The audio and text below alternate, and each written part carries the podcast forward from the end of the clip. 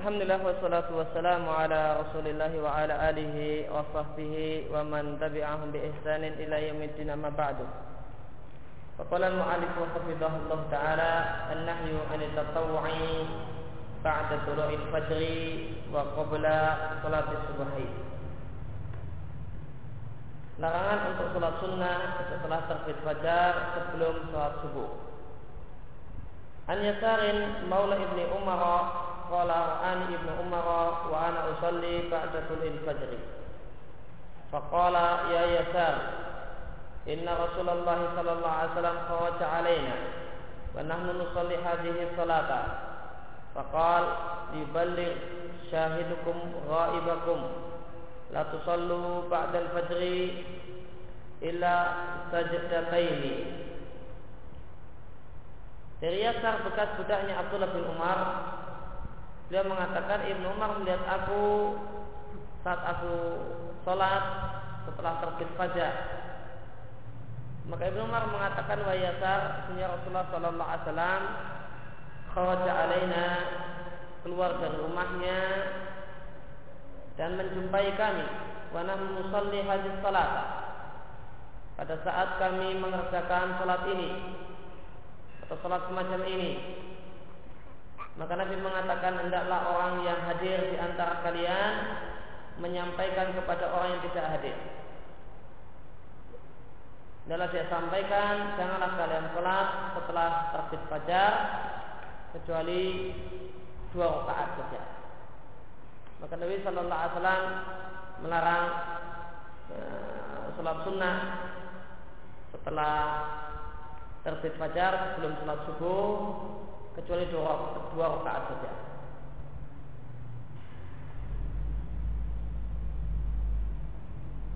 Dan, eh, dan bisa kita katakan eh,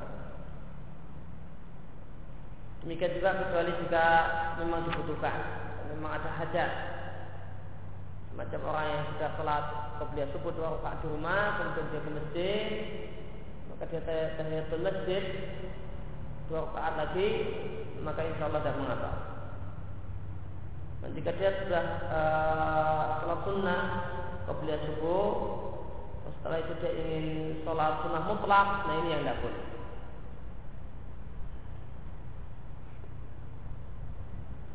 An-nayu an tatawwi idza uqimatis salat.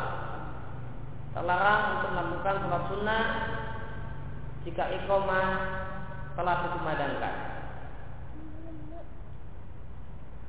An Abi Hurairah anna Nabi sallallahu alaihi wasallam qaal idza uqimatis salatu fala salata illa al-maktubata. Jika iqamah salat telah dikumandangkan maka tidak ada salat kecuali salat fardu.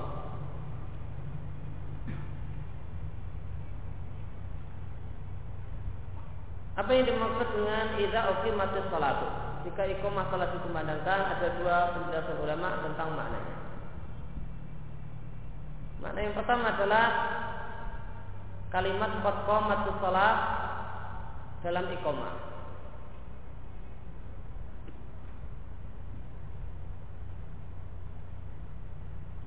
Penjelasan yang kedua yang dimaksud dengan tidak uqimatis salat itu adalah ya, lafaz iqamah sejak awal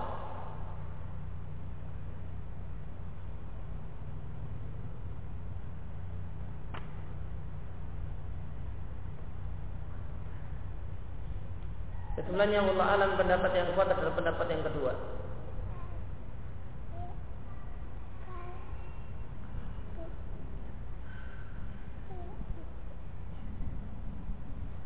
Salat salat ilal maktubata maka tidak ada salat kecuali salat maktubah.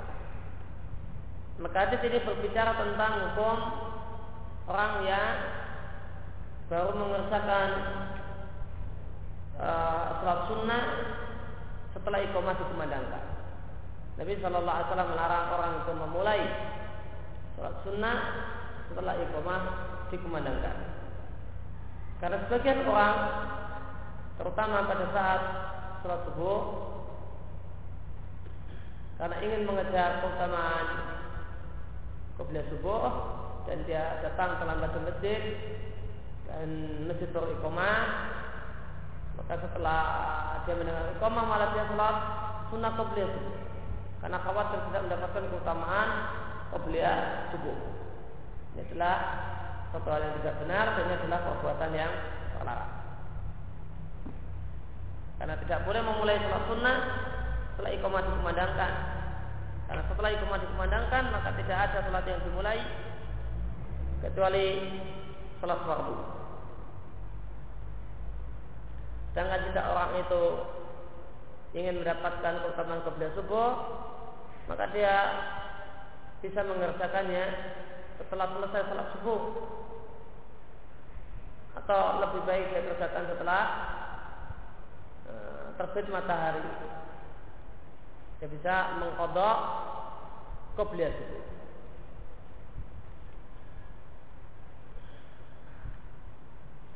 Bagaimana dengan orang yang masih dalam keadaan sholat sunnah pada saat iqamah dikumandangkan. Apa yang harus dia lakukan? Mungkin adalah ini perkara yang diperselisihkan para ulama.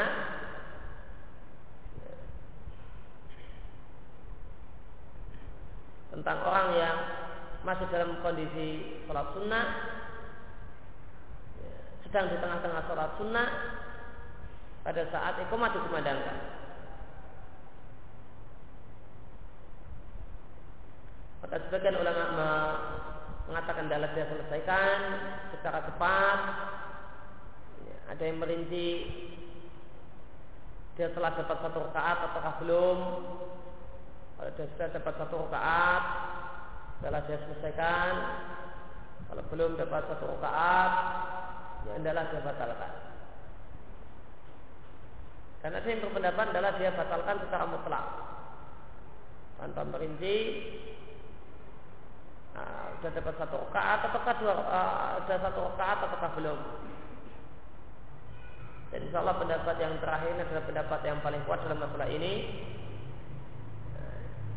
yaitu sholat uh, dihentikan ketika mendengar iqomah. Ini pendapat yang paling kuat dengan menghormati uh, orang yang memilih pendapat yang lain. Alasannya ada berdasarkan hadis ini. Hadis ini mengatakan salat salat maka tidak ada salat. Maka pada saat iqamah maka tidak ada salat dan tidak sah salat kecuali setelah uh, salat fardu. Maka seandainya diteruskan maka sia-sia. Karena tidak ada salat kata Nabi Shallallahu Alaihi Wasallam. Demikian juga uh, alasan yang kedua adalah sabda Nabi Sallallahu Alaihi Wasallam. Idza sami'tumul iqamata famsu. Idza sami'tumul iqamata famsu. Eh, famsu ila salati wa alaikum bisakinah. Jika kalian mendengar iqamah, maka berjalanlah menuju salat wa alaikum bisakinah. Dan adalah kalian berjalan dengan penuh ketenangan. Maka di sini dalil. Maka di sini Nabi Shallallahu Alaihi memerintahkan ketika orang itu mendengar iqamah, Nabi perintahkan untuk berjalan. Tidak Nabi perintahkan untuk meneruskan sholat sunnah atau yang lain. Nabi katakan jasami itu iqamah tafamusu. Jika kalian telah mendengar iqamah, adalah kalian berjalan. Maka orang yang ketika mendengar iqamah dia meneruskan sholatnya maka orang ini dinilai tidak melaksanakan perintah Nabi dalam hadis tersebut. Oleh karena itu yang tepat ketika orang mendengar iqamah di tengah-tengah dia mengerjakan sholat sunnah adalah dia memutus dan menghentikan sholatnya.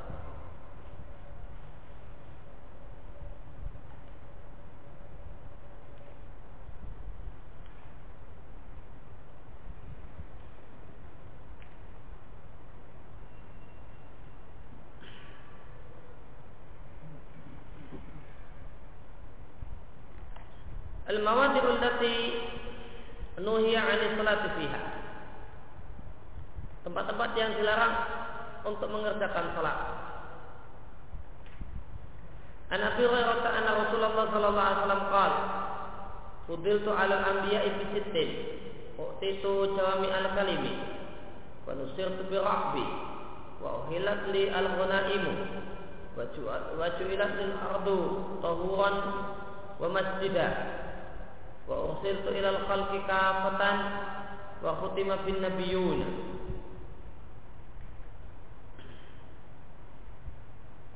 Rasulullah Sallallahu Alaihi Wasallam mengatakan aku dilebihkan diistimewakan dari para nabi-nabi yang lain dalam enam hal. Pertama aku diberi jawami kalim. Jawami kalim artinya adalah kalimat-kalimat yang singkat namun syarat makna. Dan jawami kalim itu ada dua.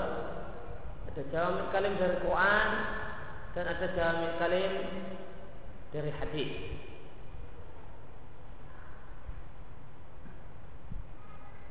Jawami kalim dari Quran banyak. Inna Allah yang bil adil wa ihsan. Ayat wa ta'awan 'alal birri wa taqwa wa ta'awan 'alal itsmi wal udwan dan yang lain. Sedangkan jami kalim dari hadis maka itulah yang dikumpulkan oleh An Nawawi di Arba'in Nawawiyah.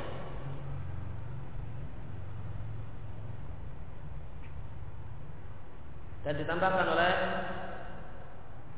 Ibnu Rajab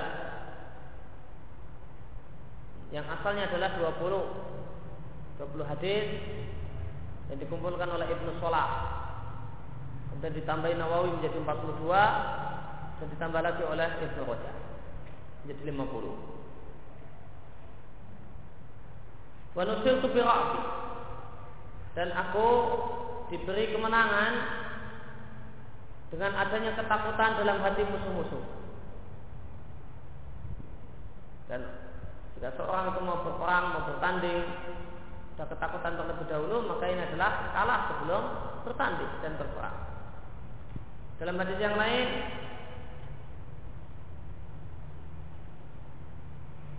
aku di atau dalam lafaz yang lain, aku diberi kemenangan dengan sebab ketakutan yang Allah timpakan pada musuh-musuhku nah, dari jalan perjalanan satu bulan.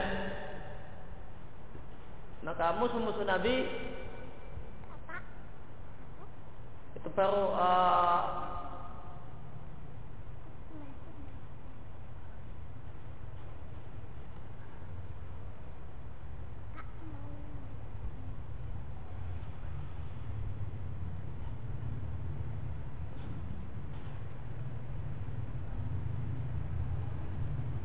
Ini adalah lepas yang lain aku diberi kemenangan dengan adanya ketakutan dalam jarak perjalanan satu bulan.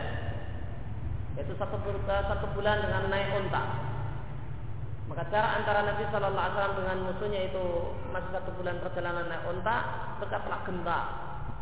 Merasa ketakutan untuk berjumpa dan berperang dengan Nabi Shallallahu Alaihi Wasallam.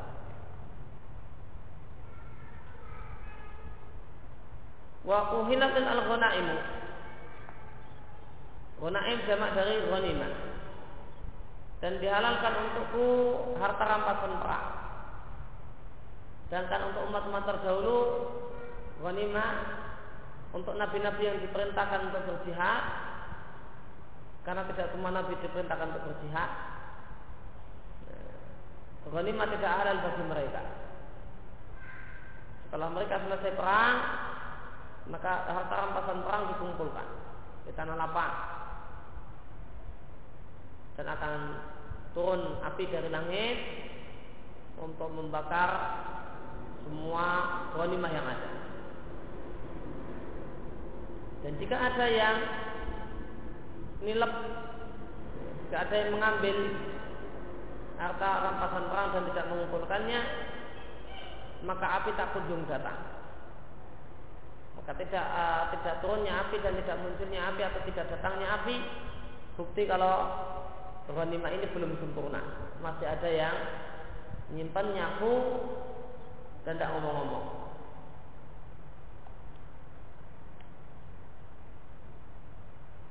Nah satu-satunya Nabi yang dibolehkan atau dihalalkan memakan dan mengkonsumsi harta rampasan, harta rampasan perang adalah Nabi Shallallahu Alaihi Wasallam. Ini ada satu kelonggaran dan satu kemudahan yang Allah berikan untuk umat Muhammad Shallallahu Alaihi Wasallam.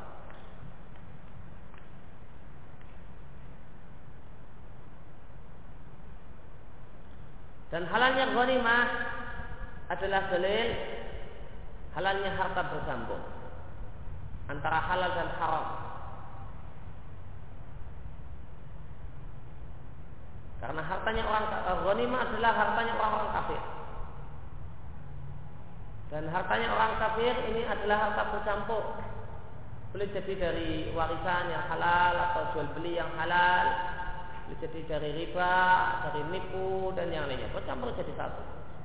Bahkan mungkin kita katakan hartanya orang kafir lebih dominan haramnya daripada halalnya. Maka nggak kenal halal dan haram, maka lebih banyak unsur haramnya daripada unsur halalnya. Itu halal untuk umat Muhammad Sallallahu Alaihi Wasallam. Maka harta bercampur antara halal dan haram sama dengan halal. Harta yang bercampur antara halal ditambah haram sama dengan halal. Dan dalil di antara dalilnya adalah halalnya ghanimah, halalnya jizya. Jizya. Orang kafir tinggal di negeri kaum muslimin diminta untuk pajak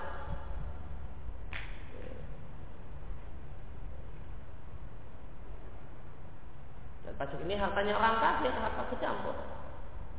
Demikian juga interaksi Nabi Shallallahu Alaihi Wasallam dengan orang-orang Yahudi. Nabi mau menerima undangan orang Yahudi. Ini bukti bahasanya harta bercampur hukumnya halal. Wajulat di al-ardu tahuran. Paknya di fathah. Dan bumi dijadikan untukku sebagai alat bersuci.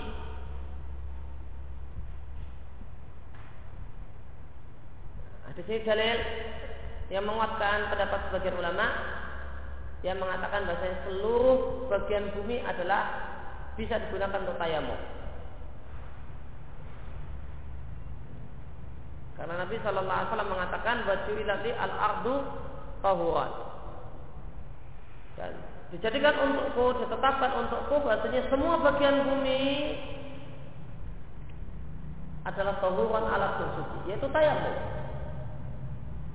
Oleh karena itu tayamum tidak hanya terbatas dengan debu tanah.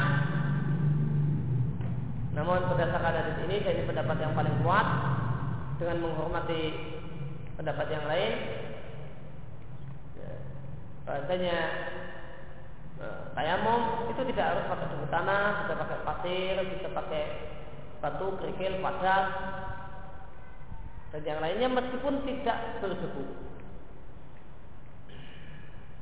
Cukup menempelkan tangan di batu atau di padat atau di tanah kering. Meskipun tidak ada yang melekat di tangan. Itu tayamum.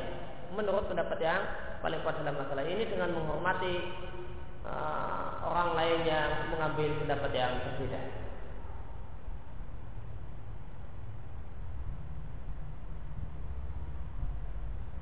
tidak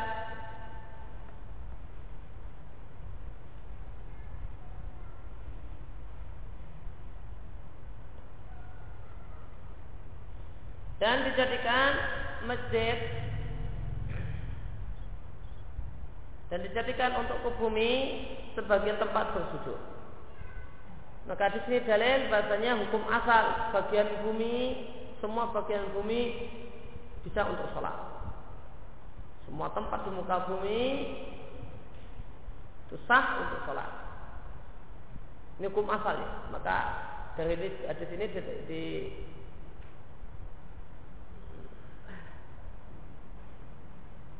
Sehingga ini jadi hadis ini diletakkan di judul bab ini bab tentang tempat-tempat yang dilarang untuk sholat. Maka sebelum dijelaskan tempat-tempat yang dilarang untuk sholat, penulis hendak menyampaikan kaidah bahwa hukum asal seluruh bagian bumi adalah tempat sholat. Sah digunakan untuk sebagai tempat sholat. Siapa yang mengatakan tidak sah salat di sini atau tidak sah salat di situ, dia wajib mendatangkan dalil. Karena dia keluar dari hukum asal. Dan orang yang mengeluarkan uh, orang yang keluar dari hukum asal wajib mendatangkan dalil yang menyebabkan dalil yang kuat yang menyebabkan dia bisa meninggalkan hukum asal. Jika tidak maka kembali pada hukum asal itu pada asalnya seluruh bagian bumi bisa digunakan untuk sholat.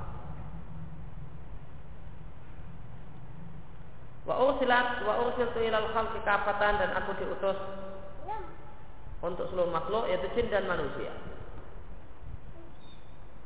Wa kutima fi annabiyun dan para nabi ditutup dengan dengan diutusnya diriku.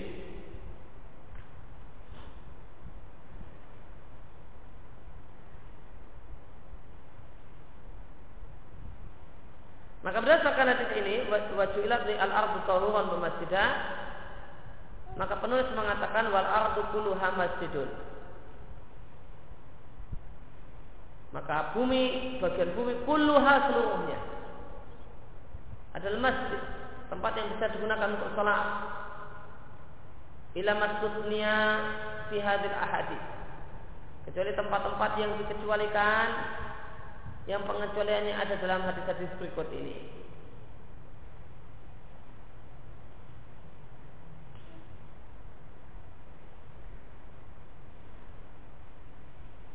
Maka pada asalnya semut bagian bumi adalah tempat untuk sholat.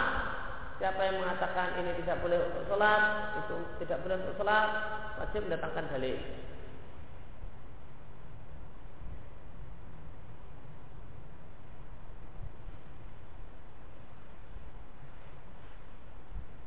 An Junub bin Abdullah Al-Bajali qal sami'tu Rasulullah sallallahu alaihi wasallam qabla ayamat ayamuta bi khamsin.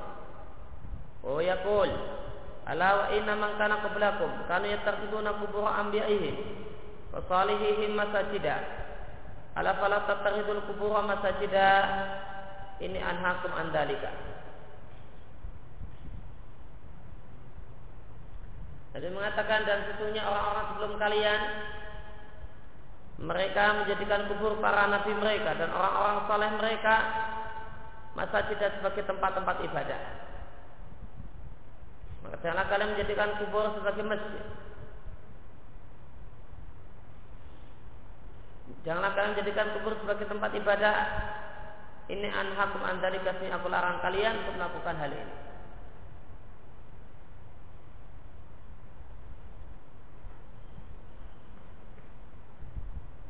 Maka dalam hadis ini terdapat larangan ittikhadul kuburi tidak Menjadikan kubur sebagai tempat sholat.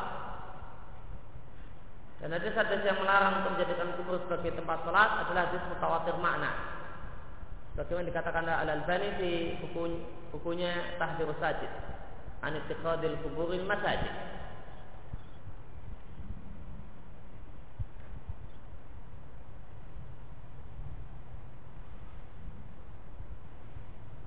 Dan di sini Nabi Shallallahu Alaihi Wasallam melarang untuk menjadikan kubur sebagai tempat sholat. Dan Nabi tekankan larangan dua ini sampai beliau pertama kali menggunakan ya, fi'il nahi la tattakhidul kubur. Setelah itu beliau mengatakan ini anhaku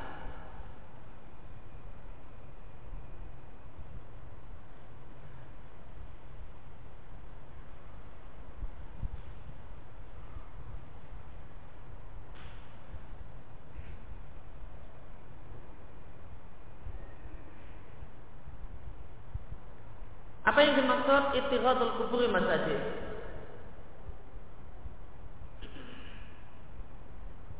Menjadikan kubur sebagai masjid. Maka masjid dalam kalimat ini ittikhadul kuburi masajid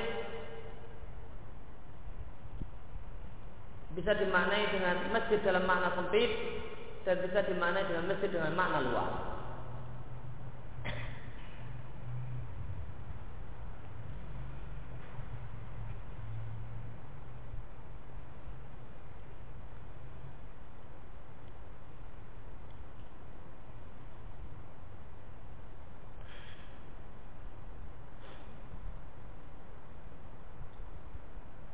Kalau kita maknai masjid di sini dengan makna sempit, maka yang dimaksud masjid adalah bangunan masjid.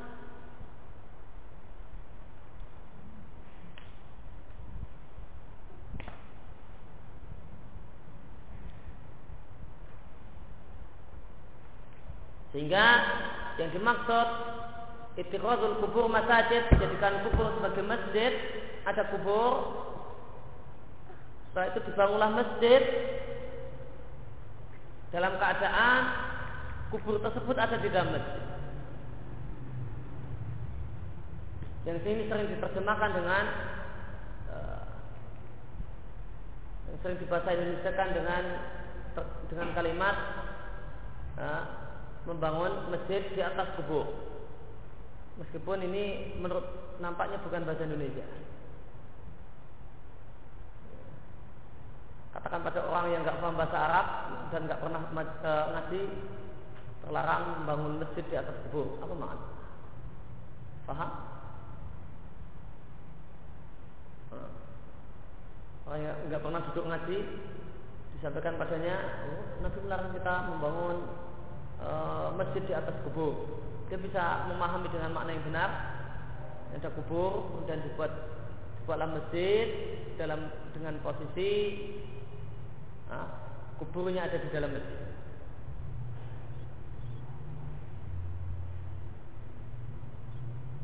E, menjadikan e, membangun masjid di atas kubur menurut saya masih bahasa Arab belum bahasa Indonesia Orang Indonesia belum bisa menangkapnya. Yang masih asli Indonesia atau bahasa Arab tidak tahu ngaji, tidak bisa menangkap. Membangun masjid di atas kubur. Apa itu membangun masjid di atas kubur? Yang, yang dibayangkan orang ya bangun masjid-masjidan di atas kubur.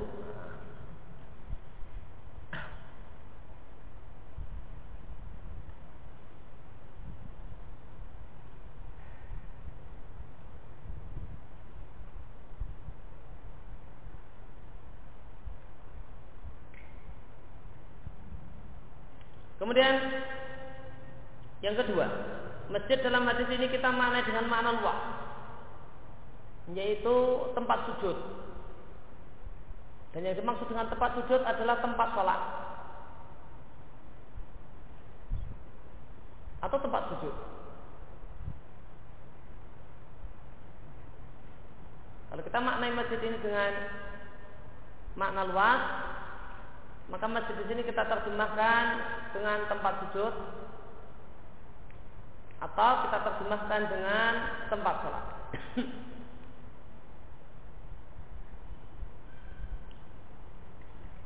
Kalau kita terjemahkan masjid di sini dengan makna tempat sujud, maka yang dimaksud menjadikan kubur sebagai masjid adalah bersujud di atas makam. Bersujud di atas di pusara makam. Maka terlarang sujud di pusara makam.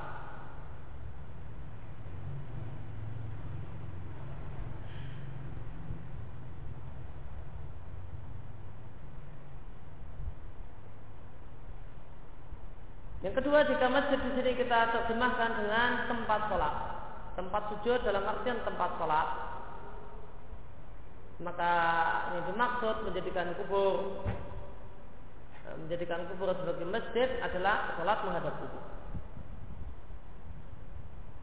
Atau sholat di samping kubur.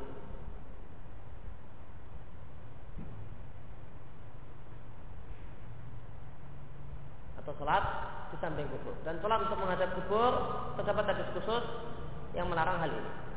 Waktu selalu ilal kubur karena kalian sholat menghadap kubur. Maka jika kita maknai menjadikan kubur sebagai masjid adalah sholat menghadap kubur, maka makna ini dikuatkan dengan hadis yang lain yang menegaskan terlarangnya sholat menghadap kubur. Dan bisa juga dimaknai dengan sholat di samping kubur atau di pekuburan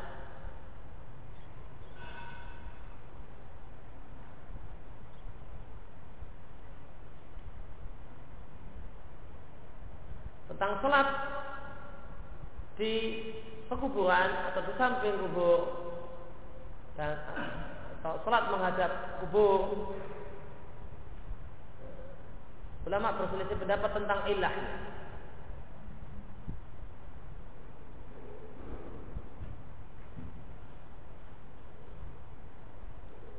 Ada dua pendapat ulama tentang apa ilahnya. Kenapa? Sehingga uh, terlarang sholat menghadap kubur dan sholat di pekuburan. Pendapat yang pertama mengatakan sholat menghadap kubur atau di pekuburan, demikian juga sholat di kuburan, di pekuburan itu terlarang karena najis atau dikhawatirkan najisnya tanah.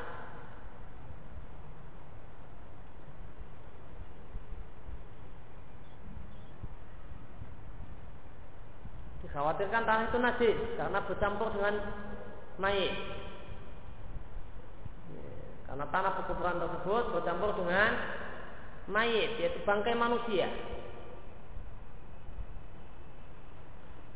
Maka tanah ini bercampur dengan najis, maka tanahnya najis. Atau dikhawatirkan tanahnya najis.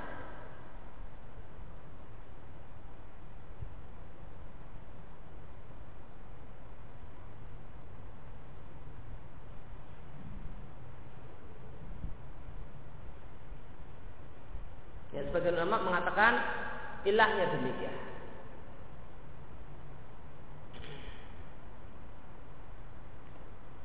Oleh karena itu sehingga ada yang berpendapat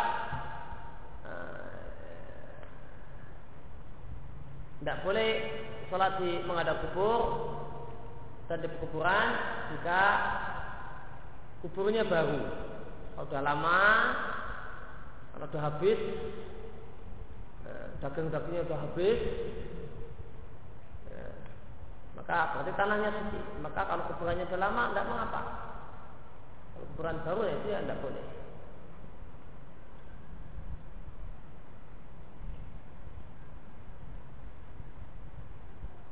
Tetapi pendapat uh, ilah yang paling kuat tentang masalah ini adalah ilah yang kedua.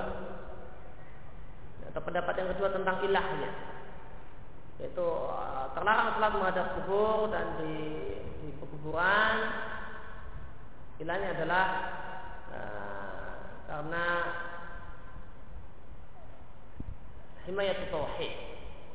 Dalam rangka untuk menjaga kesucian tauhid.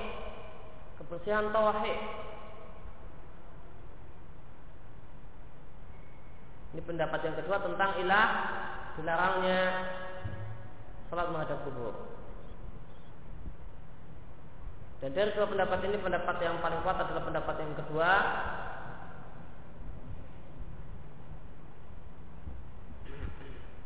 Bagaimana dijelaskan panjang lebar? Nasrul Islam Temiyah di kitab Iqtidak Surat Al-Mustaqim Beliau memberikan bantahan yang sangat bagus uh, Untuk pendapat yang pertama. Yang mengatakan ilahnya dalam masalah kenajisan tanah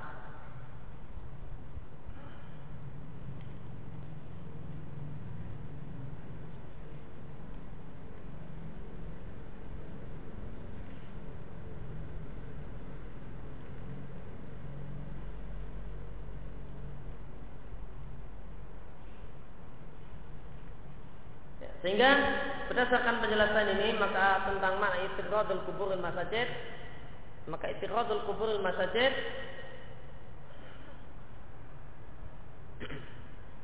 ini ada empat bentuk. Ya. Pertama adalah membangun masjid. Pertama ada kuburan, kemudian dibangunlah masjid. Ya, dibangunlah masjid sehingga posisi kubur ada di dalam masjid.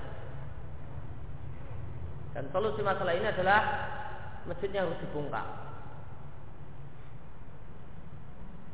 Jika ada orang yang membangun masjid di atas kubur dalam pengertian seperti tadi, maka masjidnya harus dibongkar karena masjid ini tidak dibangun di atas asas takwa.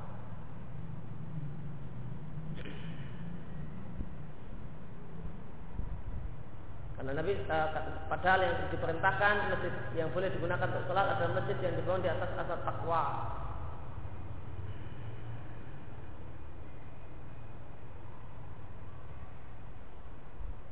La masjidun usisa ala taqwa min awali yaumin ahaku an taquma fihi.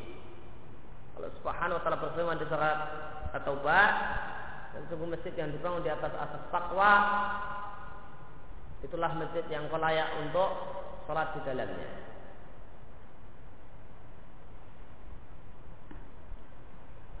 Adapun jika ini masjid ini adalah masjid duluan, masjid itu duluan, kemudian ada orang meninggal kemudian dimakamkan di dalam masjid,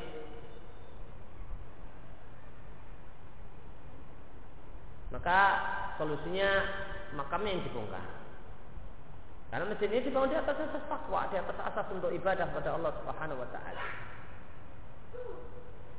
Adapun jika ini kubur dulu kemudian dibangunlah masjid, maka ini di atas asas hulu fi Asasnya adalah di sini dibangun di atas asas hulu sikap berlebihan terhadap orang-orang saleh dan tabarok yang tidak syar'i.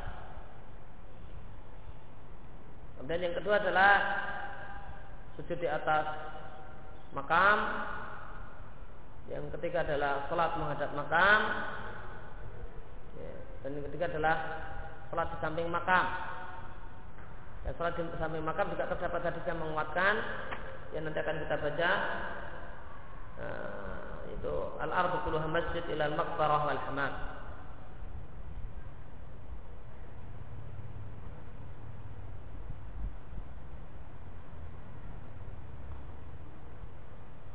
Karena ilah yang paling kuat tentang masalah ini, tentang masalah salat menghadap masjid dan e, menghadap makam dan di samping makam adalah ilah yang ada karena untuk menjaga tauhid. Maka yang benar adalah pendapat ulama yang melarang untuk salat menghadap makam dan salat di samping makam. E, baik itu makamnya baru atau makamnya lama, hukumnya haram secara mutlak. Dan hadis ini menunjukkan bahasanya Nabi Shallallahu Alaihi Wasallam mendakwakan eh, dan mengajarkan tauhid sampai akhir-akhir hidup beliau. Maka beliau membuka dakwahnya dengan tauhid dan menutup dakwahnya juga dengan tauhid. Lima hari sebelum beliau meninggal dunia, beliau berpesan dan mengingatkan dan mengajarkan umatnya untuk menjaga tauhid dengan melarang eh, menjadikan kubur sebagai masjid.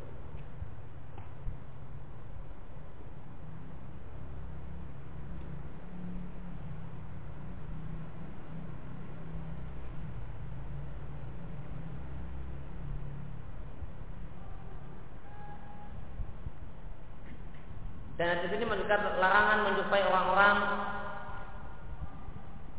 Yahudi dan Nasrani. Dan di antara uh, bentuk menjumpai orang Yahudi dan Nasrani adalah membangun masjid di atas kubur dengan pengertian yang tadi telah kita sampaikan.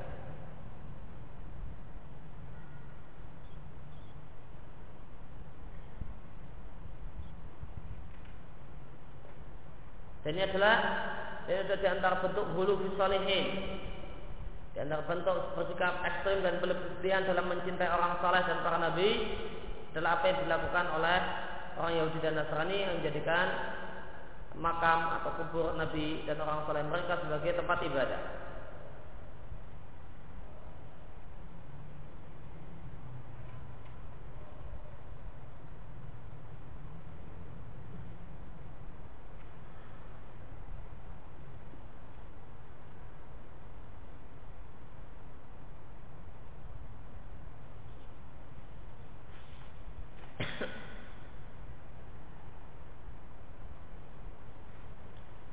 Sedangkan berkaitan dengan masalah e, masjid yang di arah kiblatnya terdapat makam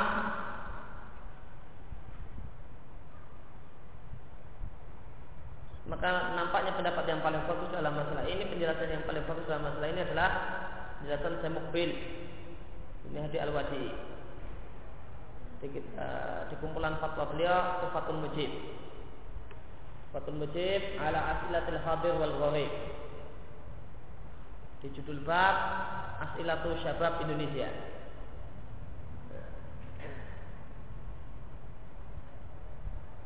sana disebutkan bahkan ini adalah pertanyaan nomor satu dari sahabat Indonesia. Mahum sholat di masjid di amamahu maksara.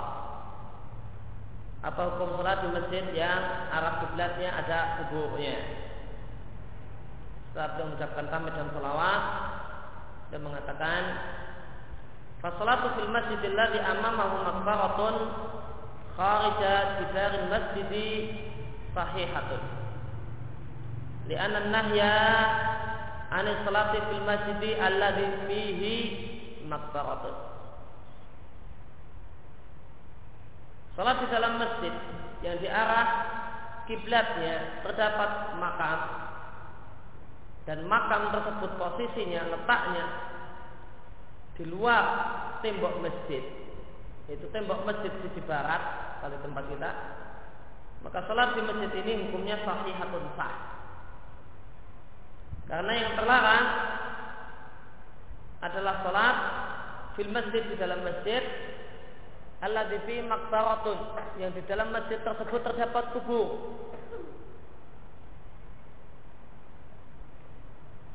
Bagaimana dalam uh, hadis dari Abu Sa'id Al-Khudri radhiyallahu anhu, Nabi sallallahu alaihi wasallam mengatakan, "Al-ardu kulluha masjidun ila al-maqbarata wal hamama." Sesungguhnya bumi seluruhnya adalah tempat sujud, tempat ibadah. Kecuali makbarah, kecuali pemakaman, wal hamam dan pemandian umum.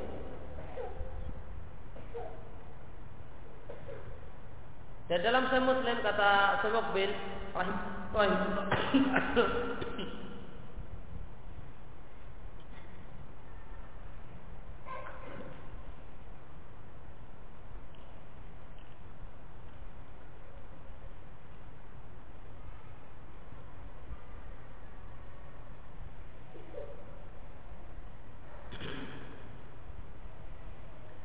Kemudian beliau mengatakan rahimahullah taala wa saya Muslim dalam saya Muslim dari hadisnya Jundub Ani Nabi sallallahu alaihi wasallam ala inna man kana qablakum kanu yattakhiduna qubur anbiya'ihim wa salihim masajida ala fala tattakhidul qubur masajida inni anhaakum an dzalika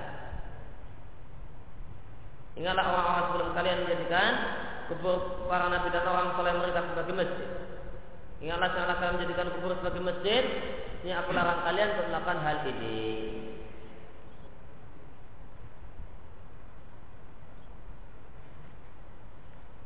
Kemudian beliau mengatakan berkaitan dengan hadis La tusallu ila al-kuburi wa la tajlisu 'alaiha.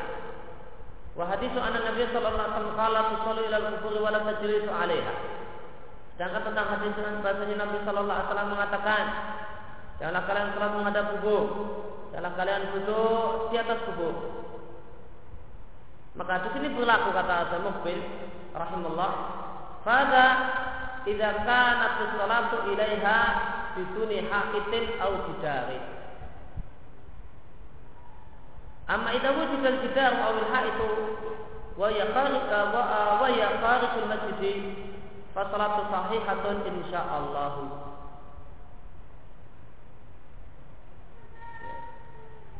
Maka hadis tersebut berlaku jika sholat itu menghadap ke kubur dan tidak ada antara kita dan kubur tembok. Adapun jika antara kita dengan kubur itu sudah ada tembok, meskipun itu cuma tembok masjid, sehingga posisi kubur tersebut di luar masjid, ya maka tidak bisa disebut sholat menghadap kubur. Namun sebutannya sholat menghadap tembok. Tidak bisa disebut salat menghadap kubur. Penamaannya ya, salat menghadap tembok, enggak, enggak dikatakan menghadap kubur. Nanti kalau ya, masih disebut itu salat menghadap kubur, ya, maka di barat-barat lagi itu ada kubur lagi. Jika ada orang yang menetapkan ya perlu tembok baru untuk kubur Maka kita katakan berapa perlu tembok batas yang baru itu? Oh satu cukup, enggak tiga. Kenapa satu? Apa dalilnya?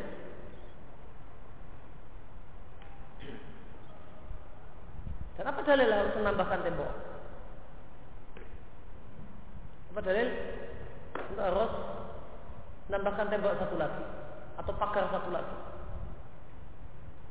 So, kalau cuma cuma tembok masjid itu masih sholat menghadap kubur ya tidak bisa menghadap tembok. Ya, dari mana bisa dikatakan itu masih sholat menghadap kubur?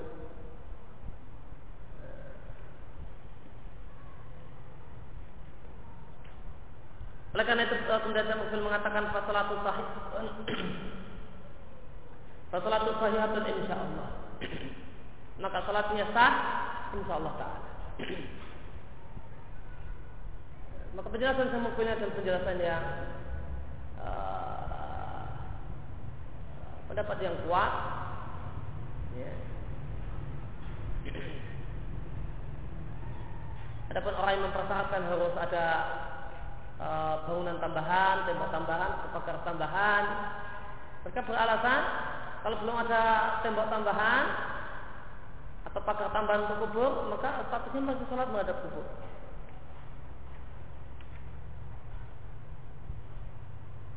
Ini dibantah oleh Tembok Bil katakan, "Faidah wujudal beda,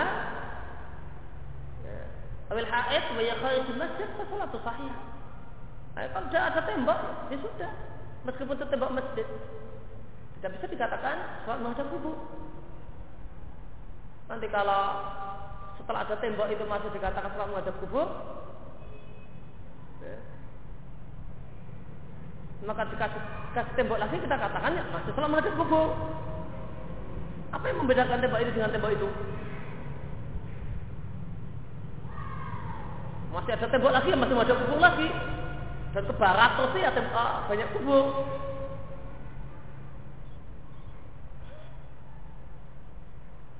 Nah, apa yang membedakan tembok ini dengan tembok itu? Dan apa dalil untuk harus nambahi tembok satu lagi?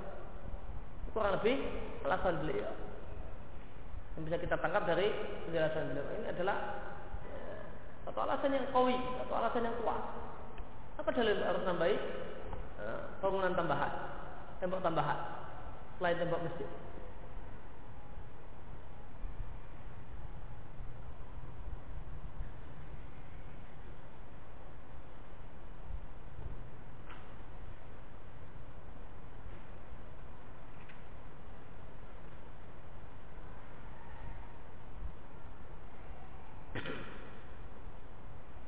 Oleh karena itu maka berdasarkan penjelasan Mukbil rahimahullah taala jika masjid sudah uh, maka kuburan yang barat masjid dan masjid ini bertembok sisi baratnya maka sudah cukup dan sudah bisa sah.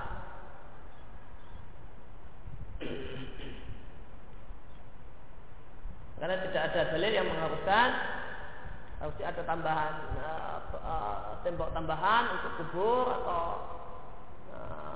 pagar tambahan untuk kubur. Siapa yang mengatakan harus? Apa dalilnya maka ditanya apa dalilnya? Kenapa yang tidak boleh. Kalau ada sholat di masjid yang di dalam masjid itu ada kubur.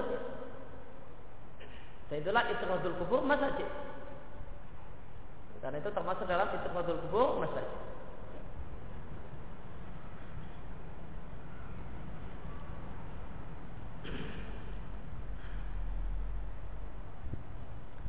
Kemudian kita kembali ke Al-Wajid. Wa Nabi Sa'id Al-Khudri qala qala Rasulullah sallallahu alaihi wasallam al-ardu kulluha masjid ila al-maqbarah wal. Bumi itu seluruhnya adalah masjid. Maka ini dalil hukum asal hukum asal bagian bumi adalah boleh digunakan untuk sholat. Siapa yang mengatakan tidak boleh sholat di tempat ini dan tempat itu wajib mendatangkan dalil. Ilal makbarah atau hamama kecuali makbarah pemakaman uh, pekuburan wal hamam dan hamam. Dan hamam dalam hadis ini jangan dimaknai dengan hamam dengan makna sekarang. Maknailah uh, istilah-istilah Quran dan Sunnah dengan makna yang ada di ya, masa Nabi. Jangan dimaknai dengan makna sekarang.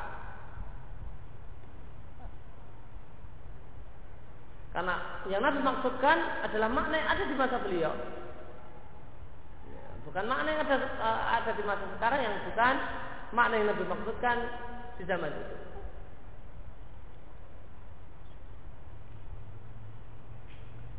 Hamam yang Nabi maksudkan yang ada di masa Nabi adalah satu tempat yang di tempat tersebut ini diambil dari kata-kata hamim artinya air panas. Hamam ini diambil dari kata-kata hamim artinya air panas. Kalau panasnya di sini maksudnya air mendidih eh, air hangat bukan. Panas umum lekutuk lekutuk enggak?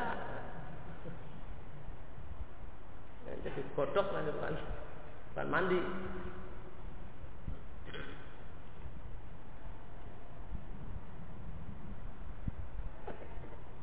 maka hamam itu dia ambil kata-kata hamil airnya air air panas hamam adalah satu tempat di tempat tersebut itu terdapat eh, pemandian umum tempat yang luas, lebar. Nah, di situ orang bisa masuk dalam jumlah banyak dan mereka bisa uh, mandi air hangat di tempat itu.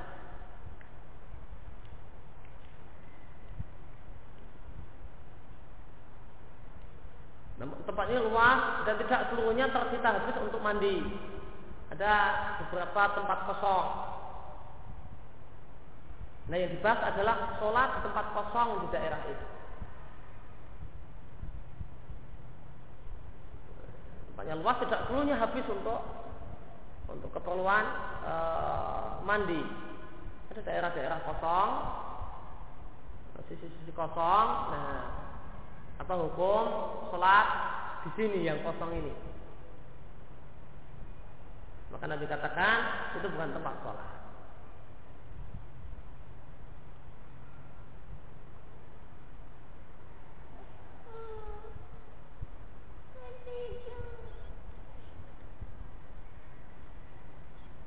Ya maka kalau gambarannya atau bayangannya ya hamam itu seperti kurang lebih kolam renang atau pemandian pemandian air panas air belerang.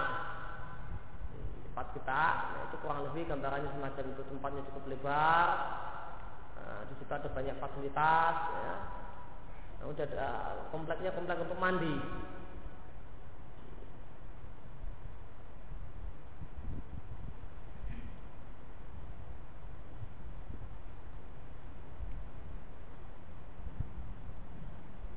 Maka jika sholat di tempat kosong di daerah pemandiannya itu nggak boleh, kalau tempat mandinya apalagi untuk aula.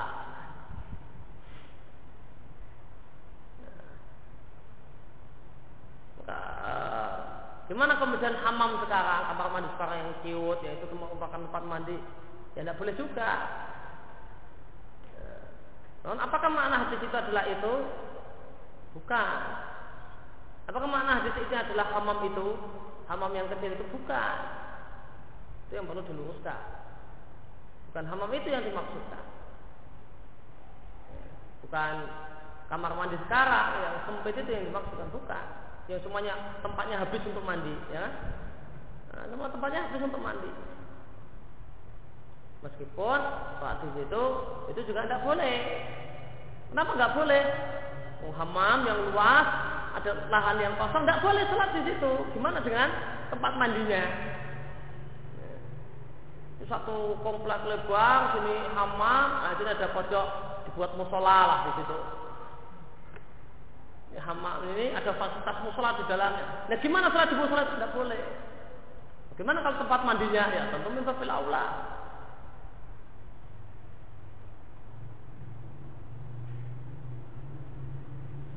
Dan ini makna hamam di masa Nabi nggak dikenal hamam di, di masa Nabi dalam artian tempat mandi yang ada sekarang. Dari Al-Bara bin Azib kalau Rasulullah Rasulullah Sallallahu Alaihi Wasallam ini di mafarqil ibili. dari para bin radhiallahu anhu beliau e, mengatakan Rasulullah ditanya tentang sholat di mabarkil ibil. Mabarik diambil dari kata barokah, ya beruku, artinya adalah menderum duduknya unta itu. Entah dalam posisi duduk, tidak dalam posisi berdiri, nah itu dalam bahasa Indonesia di, disebut menderum, nah itu bahasa Arabnya disebut barokah. Tempat menderumnya unta. Maka apa yang dimaksud dengan mabarikil ibil? Yang pertama adalah kandang unta. Yang kedua adalah tempat menderumnya unta di padang gembalaan. Unta ini digembalakan, hanya kemudian dia oh, capek berdiri, capek makan. Setelah itu dia mau leha-leha, derum, Tempat itu gimana sholat di situ? Nah, itu tidak boleh.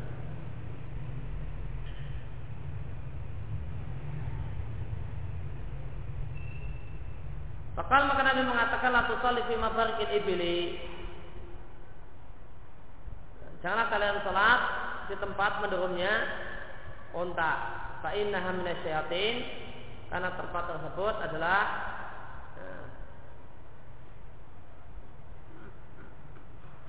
tempat yang e, atau fa'inah maka sesungguhnya ibil itu minasyayatin adalah dari setan. Nah, apa yang dimaksud fa'inah minasyayatin?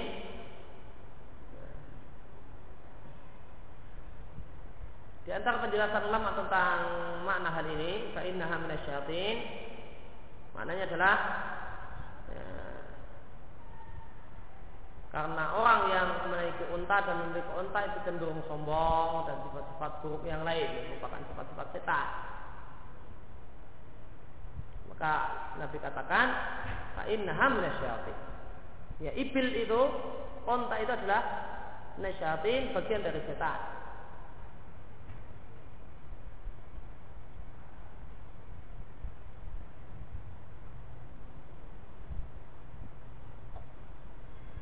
Wasuila anis salati fi marabidil ghanami. Dan Nabi Shallallahu Alaihi Wasallam ditanya tentang salat di kandang kambing. Fakal maka Nabi Shallallahu Alaihi Wasallam mengatakan selalu fiha salatlah kalian di dalamnya. Selalu di sini amr di sini amr lili. Nah,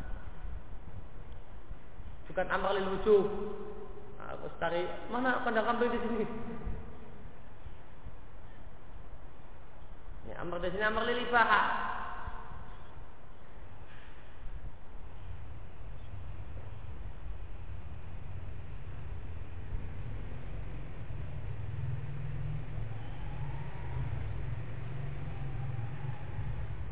diketahui amr di sini ada amr lil ibaha?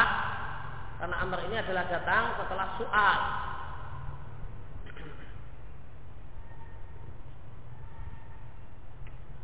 Maka jika Nabi Shallallahu Alaihi Wasallam ditanya tentang satu hal, bolehkah melakukan satu hal? Kemudian Nabi katakan, lakukanlah. Maka makna lakukanlah setelah soal, setelah pertanyaan, itu lil ibahah.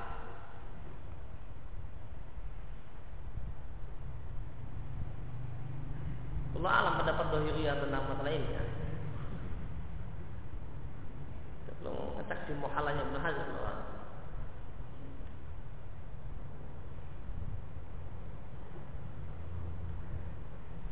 Fa innaha karena sesungguhnya kandang kambing itu adalah penuh dengan kebaikan. Maka di sini dalil bolehnya sholat di kandang kambing ini dalil kalau kotoran kambing dan air kencing kambing itu tidak najis. Kecuali menurut penjelasan Ali Imam Syafi'i. Ya, Imam Syafi'i mengatakan tentang masalah ini di ya, marabitil ghanam itu maknanya bukan uh, kandang kambing untuk dijadikan sholat. Namun maksudnya kalau bahasa kita uh, ini penjelasan Imam Syafi'i namun saya uh, Fima makna maknanya ya ambillah sajadah bahwa digelar di kandang kambing sholat di situ. Itu yang dimaksud selalu fiha ay fi marabidil ghanami. Imam Syafi'i berpendapat adalah semua kotoran hewan itu najis. Termasuk kambing, ayam, najis. Maka bila maknai hadis ini selalu fiha ay selalu fi marabidil ghanami maknanya adalah bahwa sajadah ya, sholat di kandang kambing susah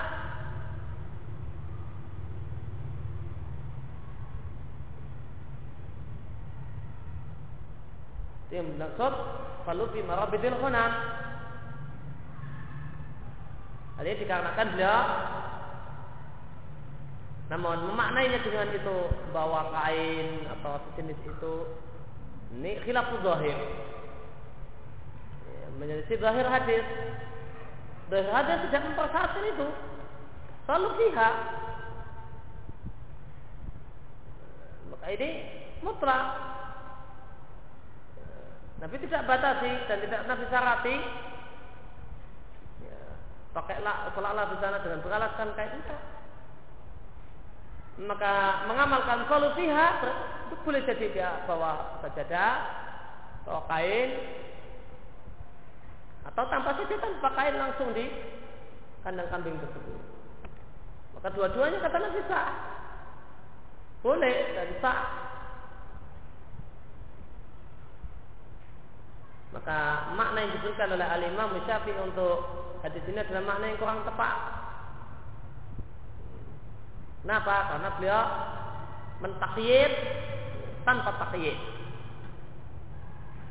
Memberikan syarat tanpa syarat dari Nabi Sallallahu Alaihi Wasallam. Dan kita katakan al-mutlak karena itu itihi. Dalam mutlak itu sama mutlaknya bisa ini bisa itu. Semuanya boleh. Karena Nabi tidak syaratnya harus ini.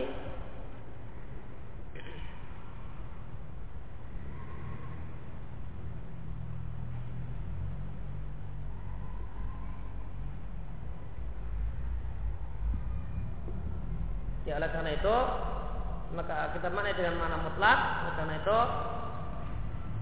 maka sah-sah saja. Seandainya kita membuat kesimpulan bahasanya di sini dalil bahasanya kencing kambing tai kambing itu suci dan tidak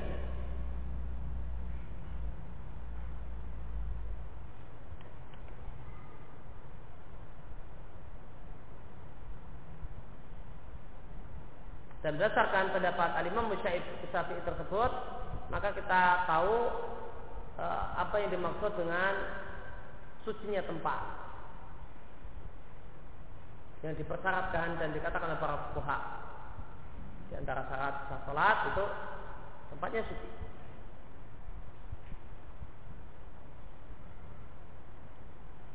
Jadi maksud tempatnya suci ya tempat untuk sujud itu tidak ada najis di situ. Meskipun boleh jadi di bawahnya najis. Misalnya di bawah karpet najis, asal najisnya tidak tembus sampai atas tidak masalah. Tetap orang tersebut dikatakan eh, salat di tempat yang suci. Baru dikatakan dia salat di tempat najis ketika najis tersebut yang dari bawah karpet itu tembus sampai atas. Nah itu baru dikatakan di sholat di tempat yang najis.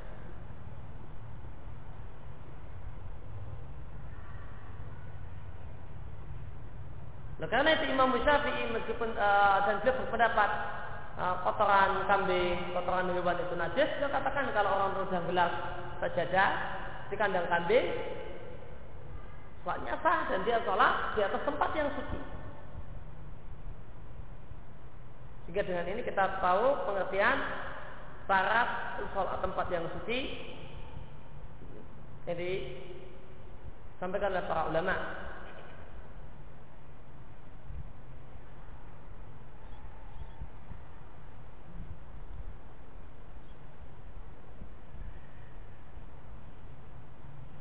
Maka kesimpulannya tentang tempat yang dilarang untuk digunakan untuk sholat maka disimpulkan oleh Syekh Muhammad bin Shalih Utsaimin rahimahullah taala disimpulkan semua tempat di muka bumi itu adalah boleh untuk sholat kecuali empat tempat saja.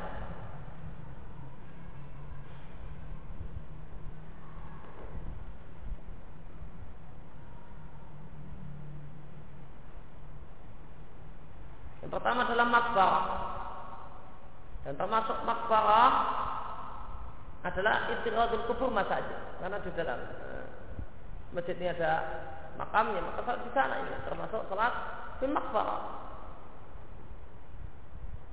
Atau orang salat menghadap ya, menghadap maka menghadap kubur ini statusnya juga salat di makbarah.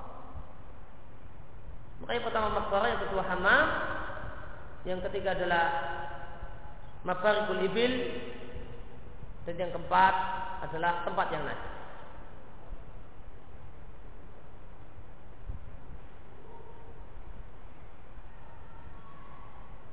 Ya, demikian yang kita bahas dalam kesempatan sore ini ala nabiyina Muhammad wa ala alihi wasallam wa alhamdulillahi rabbil alamin.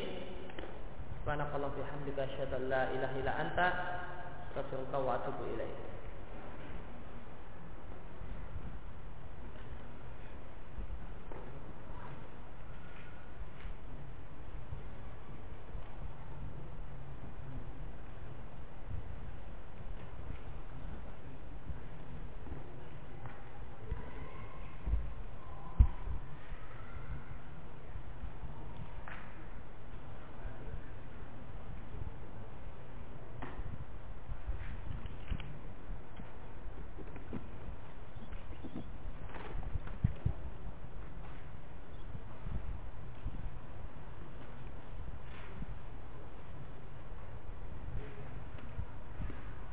Afan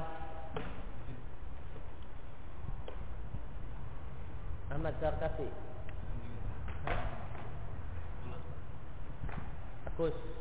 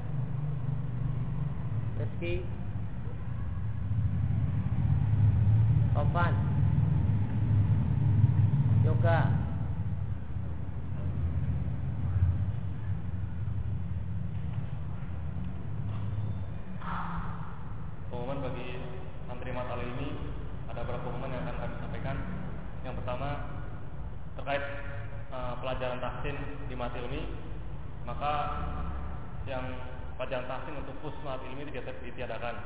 Tapi diganti ke program Wisma. Jadi diharapkan nanti untuk bisa mengikuti program tahsin di Wisma. Oh, iya. yang kedua untuk uh, memulai acara tersebut maka insya Allah taala